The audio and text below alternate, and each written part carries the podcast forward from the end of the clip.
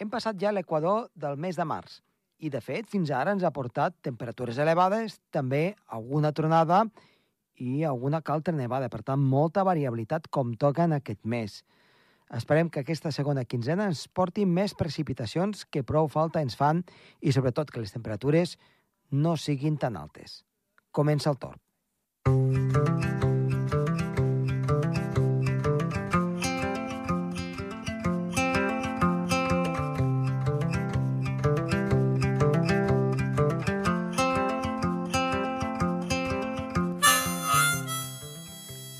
Avui en el programa Tor parlarem amb en Pere Moliner, periodista d'aquesta casa i col·laborador també del programa Tor. Parlarem sobre la fragilitat humana. Som-hi!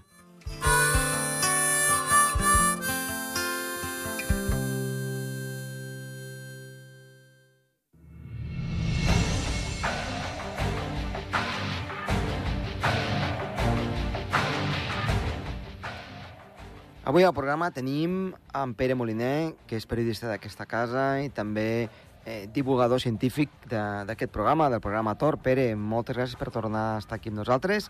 I avui el tema que ens portes crec que és eh, prou enigmàtic i que ens ha de fer pensar, que és la fragilitat humana. La fragilitat humana és un tema que podria donar per 200, 500 eh, programes com el Torp, com a uh -huh. mínim. Però començaré per una cosa molt poc original. Quin ha estat el gran tema de conversa Vinga. durant aquest, eh, durant aquest 2022 que ja ha passat? Vinga. Quin ha estat el tema de conversa? És doncs, molt fàcil. la calor. La calor, oh, és l'efecte del canvi climàtic... Oye, què és el que he sentit? Bé, segurament una part sí, però eh, semblaria ser, això ja ho he explicat alguna altra vegada, Uh, temperatures, temperatures um, de rècord. De rècord aquí des de l'any 1950 um, de la central de FEDA, que ens, ens ha facilitat aquest cas el Servei Meteorològic Nacional, Andorra Recerca i, i Innovació, i per tant um, una situació doncs, que se surt del, del que estem acostumats, almenys des de que es tenen dades, uh, aquí al país. Això no vol dir que en el passat doncs, hagi pogut succeir per altres esdeveniments, però des de que es té, doncs, en aquesta època més moderna, podríem dir... Um... Que ha estat l'any més càlid. Exacte. De fet, el que jo anava a dir és de que el canvi climàtic, evidentment, ho explica bona part, l'escalfament global, sobretot per l'acció humana, aquests, diguem, 4 o 5 últims anys, i de fet, eh, des del 1950, eh, de que cada any sigui més calorós, eh, i, però... I, I espera que et talli, eh, perquè et vaig tallant, perquè ara és que m'han enrogat una cosa que vam parlar cap a finals d'estiu, que em vas dir a mi m'agrada molt l'estiu. De fet, sóc un fan de l'estiu. Però aquest any ja em començo a estar una mica cansat. I durarà. Eh, eh, Recordes, no? De fet, de fet, de fet està tot relacionat. Que és eh, aquest 2022, el, eh, el que anava a dir, i de fet és, també és la resposta al que m'has dit tu, aquest 2022 sembla ser que és especial, independentment de l'escalfament global. Perquè sembla ser que aquest escampament, segons uns científics que ho han investigat, i sembla ser que quadra, i ho he explicat alguna altra vegada també aquí al Torp, crec recordar, uh, al gener de l'any passat, fa pràcticament un any, uh, va esclatar un volcà submarí a la illa uh -huh. de Tonga, al Pacífic. Va portar a l'atmosfera una gran quantitat de vapor, de vapor d'aigua. Això què va fer?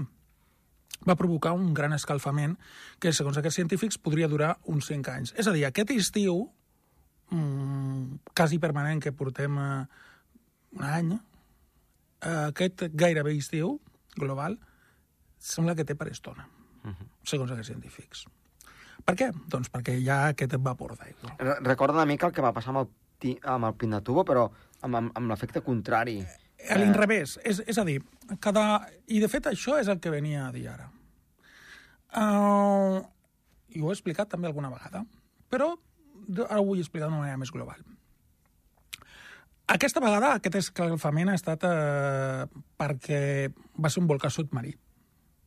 Llavors, en el cas del Pinatubo, que va ser el volcà que va esclatar a Filipines als anys 90, eh, que per cert era cinc vegades inferior al que sembla ser que aquest volcà submarí el Tonga, eh, tenia, va ennegrir l'atmosfera i, per tant, va refredar. Uh -huh. És a dir, el canvi climàtic ha anat pujant, tot, gairebé tots els anys de mitjana anava pujant, i el 90, 90-91 les temperatures van baixar una mica, després va tornar a pujar. Per què? Doncs perquè va haver una gran explosió. No, era, no ha estat l'única. I només en els... Eh, les, els éssers humans som més fràgils perquè els volcans són un gran component de la nostra història. Per no parlar són més fràgils del que ens pensem. És a dir, aquest volcà submarí, si és certa aquesta teoria, i, sembla, i, té, i quadra, com a mínim sembla lògica, uh -huh. sembla lògica. Sí, a més, si més no està avalada per, per científics. No, no és... i, a més, i a més té sentit, és a dir, dient, independentment de potser, sí. la fenò... potser s'acaba descobrint que no, però té molt de sentit. Sí. És a dir... Com a, a, a part, si sumem també les nostres emissions, sí, no? Sí, sí, sí, no, però és que això no es descarta. Això uh -huh. no, no, no, eh, eh, per això he dit que aquest any era atípic. És a dir, sí. aquest any Sí, suma d'això. Dient, a les emissions naturals, a les emissions artificials s'ha de sumar les naturals. Uh -huh.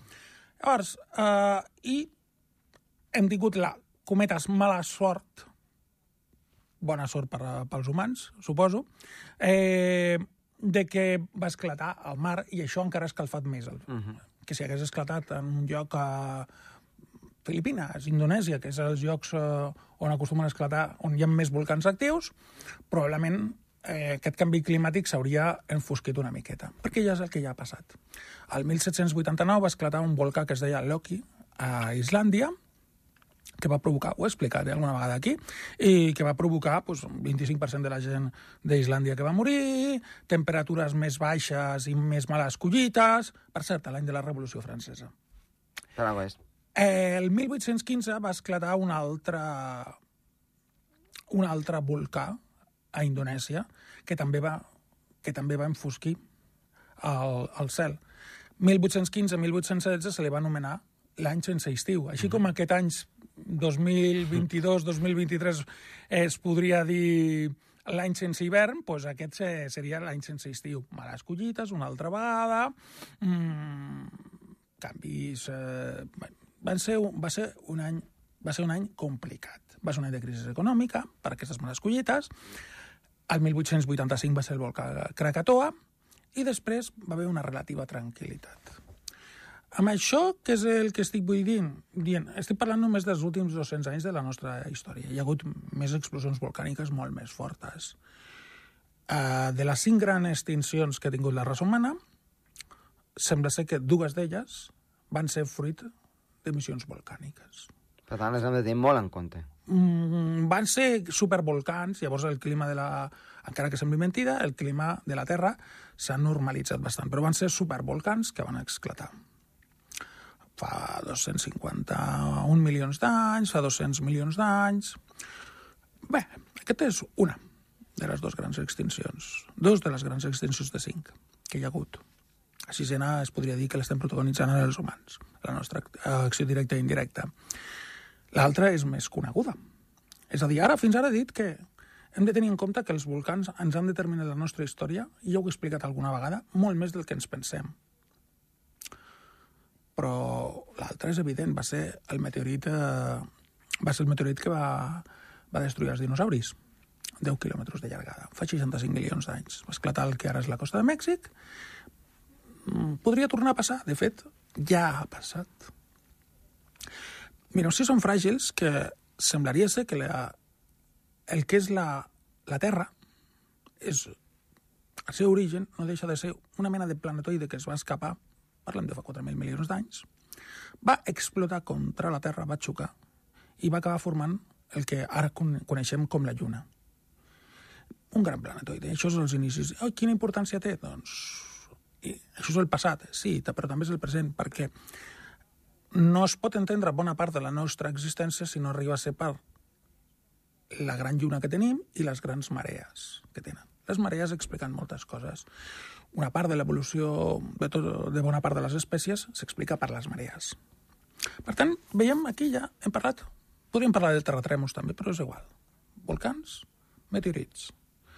Uh, com va aparèixer la vida a la Terra? Doncs no tenim ni idea però ja hem vist que la Lluna, el seu origen, no deixa de ser un esclat volcànic, i semblaria ser que l'origen de la vida a la Terra podria ser simplement aminoàcids que estiguessin, que estiguessin meteorits. Va ser aquest? No ho sabem, però és molt probable. És possible, és bastant possible. I és possible que algun dels meteorits que hagi abandonat la Terra estigui ara mm, creuant l'espai, eh, potser, diguem, eh, amb les... Eh, amb les llavors, no? Amb les, llavors, amb les nostres llavors. Passarà, fructificarà? Ni idea. Però pot, probablement com a vida no, és evident que no, perquè no sobreviurà un meteorit, però sí els aminoàcids necessaris per crear la vida. Uh -huh. Això sí que és bastant possible. Però és que la cosa no continua aquí. És a dir, podríem, podríem dir que, com algunes pel·lícules americanes, eh, com la de No miris en l'aire, o o alguna altra més, aquella en la que Bruce Willis salvava el món ficant una bomba tot el meteorit, Armageddon, molt bé, uh -huh. però havia una altra que era Deep Impact, que, Deep encara, Impact, eh, que encara era més interessant. Sí. Eh, bueno, que podríem dir que aquests meteorits podrien venir. És poc probable, però pot passar. Pot passar. Ara cada vegada tenim una mica més clar, des de fa poc, des de fa uns mesos, quan es va impactar en aquest meteorit... Eh, sí, de fet, la NASA va enviar un, una, una sonda. Una sonda per, per desviar. Però, Mínimament, però per... per però, però l'objectiu, per, per exemple, si, bueno, si, una, si poguessis fer caure, un, és a dir, si un meteorit de 10 quilòmetres o més s'acostés, no faria falta explotar-lo com feia tan cinematogràficament el, el Bruce Willis a Armageddon. Simplement amb que tinguessis una... No, simplement amb que ho desviessis. Però això ja vol dir que és una cosa que hem de tenir en compte. Són poc probables. La majoria dels meteorits no, tenen més, no arriben ni al metre, però existeixen i hi ha aquesta probabilitat. Una altra. Mm, estem en una zona de la galàxia, podríem dir de l'univers, però és igual, poc activa amb el que es diu supernoves. Quina influència té això? Doncs eh, semblaria ser també que fa uns 300 milions d'anys va haver una supernova que va esclatar uns 60 anys llum i esos rajos van, a, van massacrar tota la vida que hi havia a la Terra en aquell moment. Va sobreviure, sí, les que estaven més les profunditats marítimes. I aquesta va ser la primera extinció. Uh, no hi ha hagut més esclats de supernoves uh, al nostre entorn. Com ho sabem? Perquè si no, no estaríem aquí. Ah. Però pot passar. Diguem que havia un, científic que deia que estàvem en la part avorrida de la galàxia, afortunadament, en el sentit de que no hi havia tant supernoves, podríem dir forats negres, però aquí ja seria potser entrar en un deliri, uh, però per què no? És a dir... Estem en un barri benestant, eh, no, en, en, en, no, estem en un barri, en un barri avorrit, en un barri residencial avorrit. Per, per això, sí. De... Uh, D'això, perquè no, mm, en el sentit eh, de que totes, però totes aquestes coses influeixen. Com seria la vida? Com seria la vida si fa mil anys hagués esclatat una supernova que estigués al nostre entorn i ens hagués deixat fregits? O potser ara, quan estem parlant, veus rajos de la supernova que, que ens destrueix.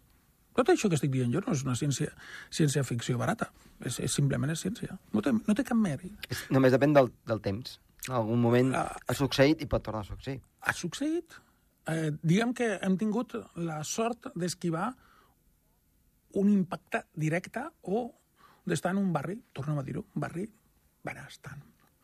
Clar, hi ha un altre... Llavors, eh, som, la, la humanitat eh, som molt més fràgils del que pensem en aquest, eh, en aquest entorn galàctic que tenim. Eh, fa uns dies... Mm, fa uns dies s'estava... Fa unes setmanes, millor dit, s'estaven parlant a internet eh, oh, el fenomen que col·lapsarà la raça humana. Què era? Bé, té la seva gràcia. És exageració, tal. Les tormentes solars. Uh -huh. Una tormenta solar no sabem, no sabem gaire de com funcionen les tormentes solars. Les tormentes solars són els moviments que té el, el Sol. Però una tormenta solar molt intensa podria, en teoria, podria acabar tranquil·lament amb totes les connexions eh, internet. elèctriques, uh -huh. internet. Què viuríem sense ella? Tenim plan B? Ara no. S'està començant a pensar? Sí, s'està començant a pensar. S'arribarà alguna... Però imaginem-nos una tormenta solar molt intensa, molt intensa, que no, que, que, que no destruiria la vida de la Terra, tranquils, no és això. És una cosa més, més probable.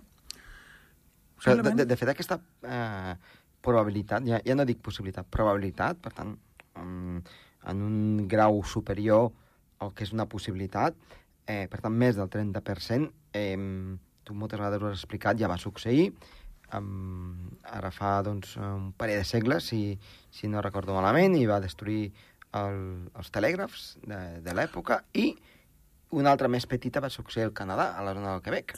És que això és el que deia jo. Aquesta, algunes, algunes d'aquestes tormentes elèctriques, eh, tormentes solars, perdó, ja, han, ja han provocat, ja han provocat, ja han, ja han passat, això ja ha passat, que estic dient ja ha passat, ja ha passat. En poca intensitat. Podria ser de més intensitat? No ho sabem. No ho sabem. És a dir, per què no... Per què no una tormenta...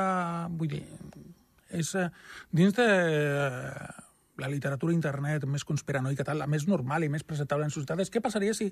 Això que acabo de dir ara, no. Mm. Pots trobar a internet dient... Uh, previsiblement és poc probable, però és una cosa que pot passar. Però, però dius poc probable, però en... parlaves primer de milions d'anys, després d'alguns uh, alguns mil·lennis, eh, ara estem parlant només de centenars d'anys. O dècades. O dècades. Per tant, eh, que hi hagi una tempesta solar i que es pugui afectar a nivell global mm, no és tan descabellat que pugui passar en els propers 200 anys, per exemple. No, no, no, en els propers 20, uh, en els propers 20 anys. Simplement, simple. És simple, no té cap més misteri. Llavors, uh, estem preparats? S'està començant a parlar ara, en les últimes setmanes, mesos, està començant a fer un cert, una certa petita discussió sobre què faríem i què podríem fer. Bàsicament en el bàndol sensacionalista. Oh, podríem uh -huh. tornar a l'edat mitjana. Bé, probablement no, però bé a saber. Però són coses que poden passar. Són improbables, sí, però no impossibles. Poden passar. Llavors, estem molt més, molt més de lo que ens, nosaltres ens pensem. Molt més, de, molt més eh, com ho diria jo, estem, som molt més fràgils, la nostra civilització... Estem molt més exposats, I, el que ens pensem. Sí, sí, sí. Un altre exemple que ja molts d'aquests els, ja els he explicat en altres edicions de programes perquè crec que són interessants. Als Estats Units, per exemple, o al Japó. Uh, però parlant dels Estats Units perquè és més conegut. Hi ha el, el terratrèmol que va destruir la ciutat de San Francisco el 1906 uh -huh. i que diuen li diuen el Big One, en anglès, el, el, el primer, que uh, hi ha un terratrèmol en aquella falla que afecta un cop a cada segle. De moment, portant 100, 117 anys sense haver-hi. Mm. Ara, al principi, algun dia... És a dir, això ja és un fenomen més local. Més local, sí. Aquesta, però aquesta cosa també pot afectar, també afecta altres països, com per exemple Nova Zelanda i Tòquio. Tòquio, Tòquio està en el mig d'una falla. Tòquio, la capital del Japó. Eh, per tant, som més fràgils, molt més fràgils, estem més exposats als fenòmens naturals del que ens pensem. Uh -huh. Una de les coses que tampoc tenim tan, tan clar és la nostra relació amb, amb la natura. Evidentment, la Covid-19 ens ha donat una gran lliçó. De pragmatisme? Que no m'ha pres gaire, però, en fi. Però la realitat és que a la... l'home en els últims 200 anys ha colonitzat bastant la Terra i tenim més exposició amb virus. Virus, virus, no estic parlant d'altres coses, estic parlant de virus. Clar, mm, tenim més mitjans, més vacunes, però tenim dos problemes. Hi ha, apareixen nous virus, perquè hi ha més contactes, que és el que ha passat amb la Covid-19. Sembla ser que uns ratpenats van contactar amb humans, en fi. Això.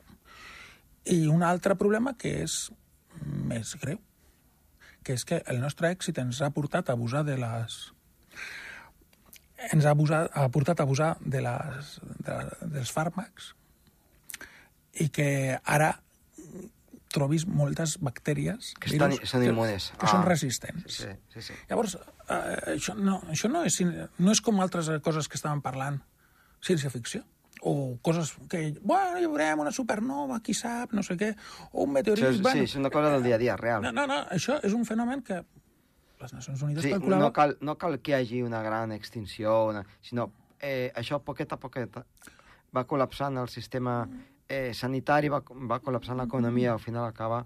Mig milió de persones uh -huh. es moren a l'any per les bactèries massa resistents. Uh -huh. És a dir, l'èxit de la medicina moderna ha portat a que doncs, les bactèries més immunes puguin derrotar-nos. És a dir, que hi hagi una, una, una sèrie de bactèries. Per tant, eh, al final, quan parlem de la civilització humana, de, dels, dels nostres èxits, dels nostres fracassos, el problema moltes vegades és que som... som... no ens adonem de que som molt poca cosa en relació el nostre entorn i que no el coneixem gaire. Doncs uh, és una, una explicació que acabes de fer que, que ens porta a parlar d'aquest últim esdeveniment i ja per acabar, no, que tu has parlat de com la Covid, eh, si jo t'hagués dit uh, fa uns anys que tots portaríem mascareta i que hi hauria una cosa a nivell global i que les pel·lícules aquestes de, de ficció, terror, que eh, doncs van per Hollywood, mm, l'hem vist real eh, davant nostre, evidentment ningú s'ho hagués cregut. I això, doncs, ens ha de fer pensar una miqueta amb el que tu has comentat, no?, de que mm. hem d'estar preparats per als esdeveniments perquè no ens agafin ens agafin el menys desprevinguts possibles. De fet, és al revés. Perdona contradir-te. Per què?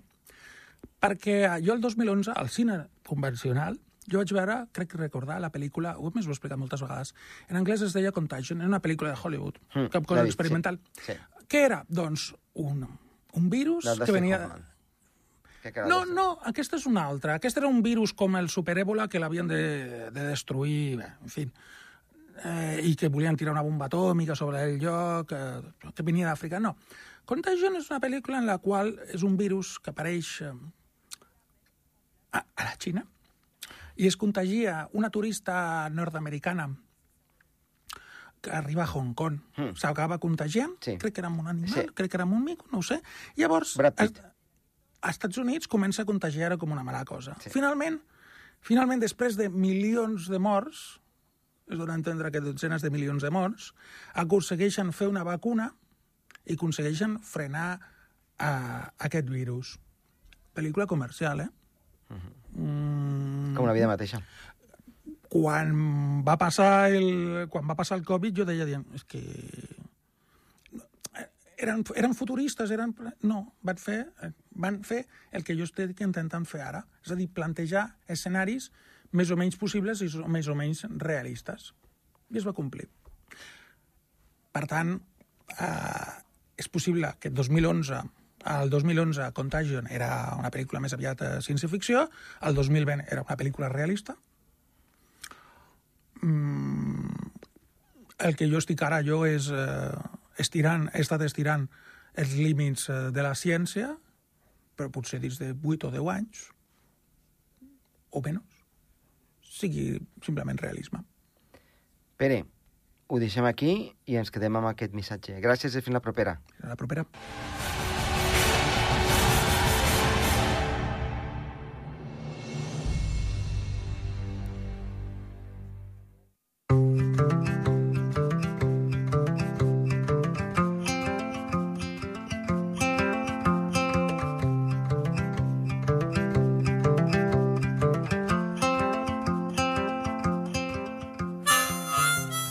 Acabem el programa d'avui, esperem que els hi hagi agradat. Tornem la setmana entrant, ha estat a les vides de so, Toni Escur, i qui els ha parlat amb molt de gust, Josep Tomàs Bosch. Adéu-siau.